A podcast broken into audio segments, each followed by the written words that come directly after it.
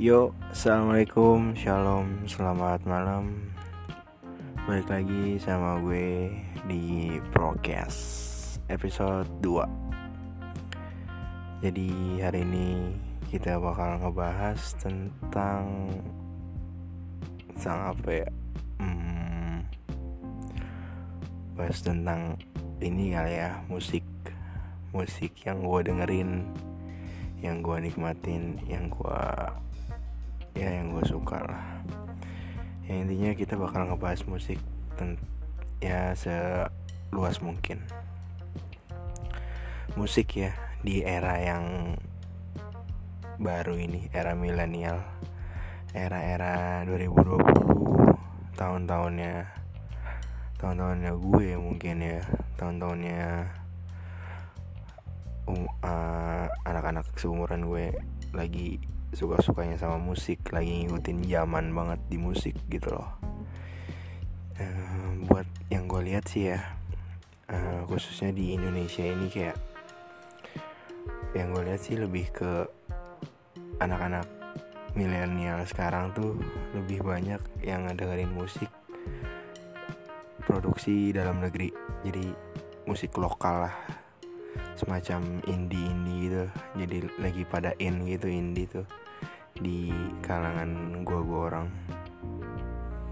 Indie. Terus lebih ke ini sih ya kayak kalau 2020 sekarang sih yang gue perhatiin lebih kayak uh, genre rock tuh jadi banyak yang lebih minat gitu loh kayak ya mungkin ya mungkin karena emang dari gue pribadinya suka lagi suka sukanya sama Fish dan Fish pun di tahun-tahun ini tuh lagi emang naik-naiknya lagi emang naik-naik daunnya gitu loh. Jadi mungkin karena anak anak-anak zaman sekarang kiblatnya pada ke Fish yang Fish sendiri pun alirannya kan rock gitu alternatif rock indie rock gitu loh. Jadi mungkin anak-anak sekarang tuh lebih banyak yang ngedengerin kayak seringai terus kelompok penerbang roket and anything else lah. Intinya sih yang berbau-bau indie sekarang sih lagi dituhan-tuhanin banget sama anak-anak milenial zaman sekarang. Which is like Pamungkas, Ardito Pramono, terus 420, Danila, ya gitu-gitu deh. Yang nggak semuanya indie sih cuman lebih yang ke arah-arah situ gitu loh kalau buat di Indonesia sendiri ya jadi yang kayak lebih banyak orang-orang tuh yang ngedengerin kayak Hindia gitu-gitu deh. Pokoknya yang berbau-bau indie tuh sekarang banyak, lagi banyak diminati dan rata-rata pun uh, kayak konser-konser gitu banyak yang ngundang artis-artis indie. Kalau ngebahas tentang indie ya indie tuh singkatan sebenarnya. Indie tuh singkatan dari independen independen sendiri itu memiliki arti uh, kalau dia tuh berdiri sendiri independen dia berdiri sendiri mandiri dan kenapa disebut musik indie? Karena orang yang memiliki aliran indie ini bergerak di bidangnya sendiri gitu loh. Kadang dia nulis lagu sendiri ngepromosin lagu-lagunya sendiri ngegarap lagu pokoknya dia tidak diatur oleh label dan tidak memiliki label setahu gue ya kalau misalkan buat indie gitu loh. Jadi indie ini emang ya entah karena indinya atau entah karena zamannya ya anak-anak zaman sekarang tuh lebih suka musik-musik yang kebanyakan musisinya tuh indie gitu loh. Jarang ada yang punya label. Mungkin menurut anak-anak zaman sekarang musik-musik indie tuh lebih mewakili perasaan anak-anak milenial zaman sekarang mungkin. Yang kayak lagi galau-galaunya terus yang kayak ya karena mungkin ya karena indie keindiannya si musisi ini jadi musisi ini mau bikin karya kayak apa pun juga nggak diatur oleh si label gitu loh. Jadi mungkin karena itu sih kurang lebih. Terus juga kalau di internasional sih yang gue lihat kalau dalam permusikan tuh lebih yang kayak model-model kayak Billie Eilish terus ya ya gitu-gitu aja. Yang nggak berubah-berubah sih nggak terlalu banyak berubah kalau buat ke internasional ya. Mungkin lebih yang kayak kalau di zaman era 90-an itu kan lebih yang kayak 90 80 ya uh, eh, gue juga kurang tahu. Lebih ke yang kayak The Beatles gitu-gitu loh. Ya perkembangan musiknya aja sih. Cuman kalau buat sekarang sih yang gue lihat lebih ke yang hip hop terus yang kayak elektrik elektro EDM EDM gitulah. Lebih ke situ sih yang gue lihat. Yang kayak sekarang tuh yang lagi naik naiknya itu kayak yang kak Kanye terus uh, model-modelnya si Justin Billie Eilish terus ya semacam gitu deh ya paling itu itu aja sih yang gue lihat kalau di internasional ya. Cuman kalau gue dari gue pribadi sih gue sekarang lagi suka ngedengerin lagu-lagu rock. Rock rocknya tuh yang kayak ya masih bisa didengar suaranya gitu loh bukan yang kayak semuanya scream gitu. Kalau misalkan yang kayak semuanya scream kan jadi yang kayak mau dengerin apa? gitu loh. Oke bisa sih ngedengerin instrumennya doang. Cuman kalau menurut gue kalau gue pribadi sih kalau buat ngedengerin instrumennya doang sih kalau menurut gue kurang gitu loh. Jadi gue lebih suka yang rock tapi masih kedengaran suara orangnya gitu loh masih bisa didengerin. Ya kayak gitu sih kayak jadi awalnya gue mulai dengerin lagu-lagu rock itu dari dari Fish ini. Ya gue suka banget gila sama Fish karena menurut gue Fish tuh lagu-lagu yang Fish bikin tuh penuh makna gitu loh. Nggak nggak omong kosong dan rock.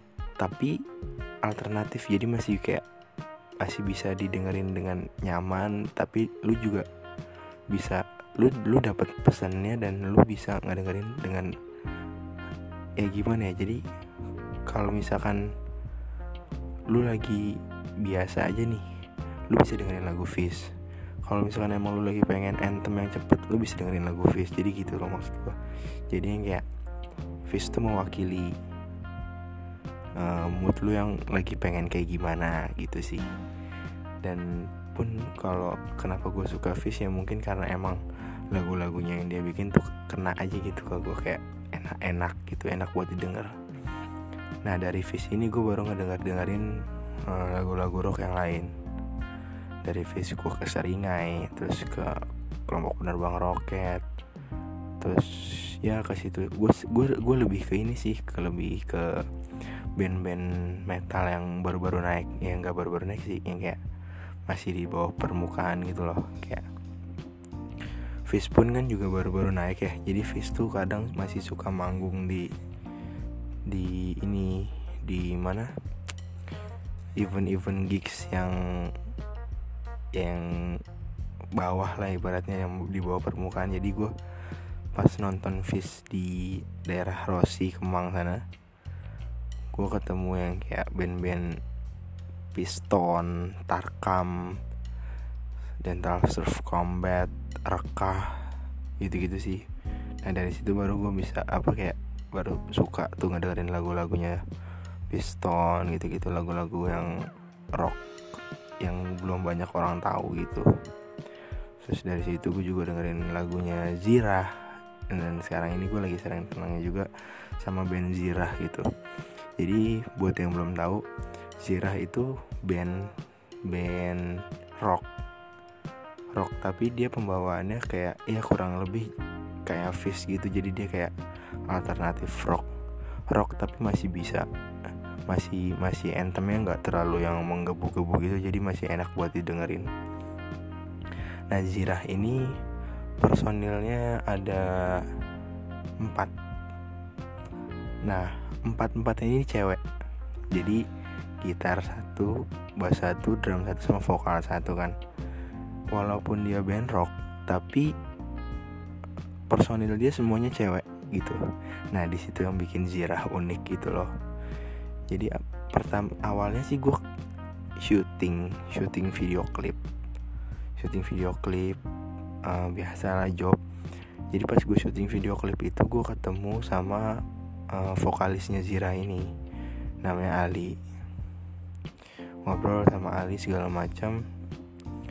Baru di situ gue tahu-tahu Zira baru dari situ gue kadang-kadang Zira dan which is Zira juga lagu-lagunya pun ya enak gitu loh. Maksudnya enak buat didengar dan masih satu genre sama gue yang lagi mendalami tentang rock gitu. Jadi masih kayak ya good enough lah nggak ya bagus lah bagus.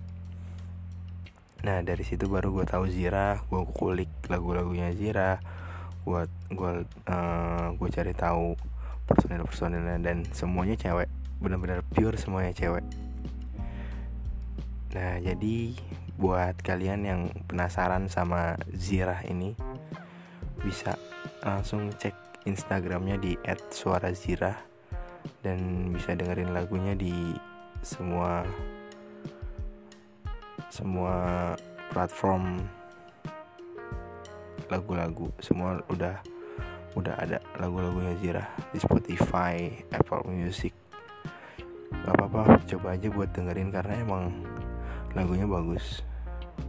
Dan Zira uh, bulan depan bakal ngadain konser uh, rilis EP baru yang berjudul Siapa Kami Siapa Kami.